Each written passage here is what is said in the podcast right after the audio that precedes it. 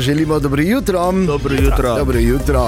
Zaključila se je tudi in to z, z prazniki naša torej dobrodelna akcija zbiranja sredstev. To ti 5 in to ti 10 ste lahko s temi SMS-i eh, na 1919 pomagali in uh, več kot uspešni smo bili, da smo še polepšali te božične ali pa božično-novoletne praznike veliki skupini otrok, ki uh, je preživljala počitnice v domu Miloša Zidanška. Zvezo prijateljev mladine in kot je povedala predsednica Mariborskega ZPM Nina Babič, predvsem je, seveda, ko rečeš o ciljih, cilj ta.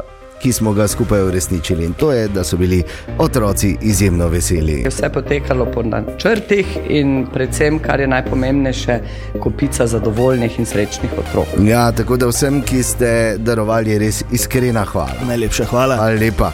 Pa še kdaj, morda, ko bo priložnost za kaj takega, zagotovo bo tudi v letu 2024. Odločili smo se, da bomo seveda Zvezi prijateljev mladine Maribor vse skozi stali ob strani in to sploh glede na to, da tudi na tak način vsi skupaj pomagamo otrokom, zelo veseli tudi predsednico Nino Babič. Jaz mislim, da je vredno to izpostaviti, ker dobra dela niso samoumevna in s vašo pomočjo in pomočjo dobrih ljudi smo še polepšali otrokom zaključek tega zimovanja, saj bodo danes ob obisku Dedka Mraza prijeli precej praktična in pa tudi zabavna darila. Ja, tako je povedala v soboto, ko se je vse skupaj zaključilo uh, na pohorju za otroke, ki so tam letovali.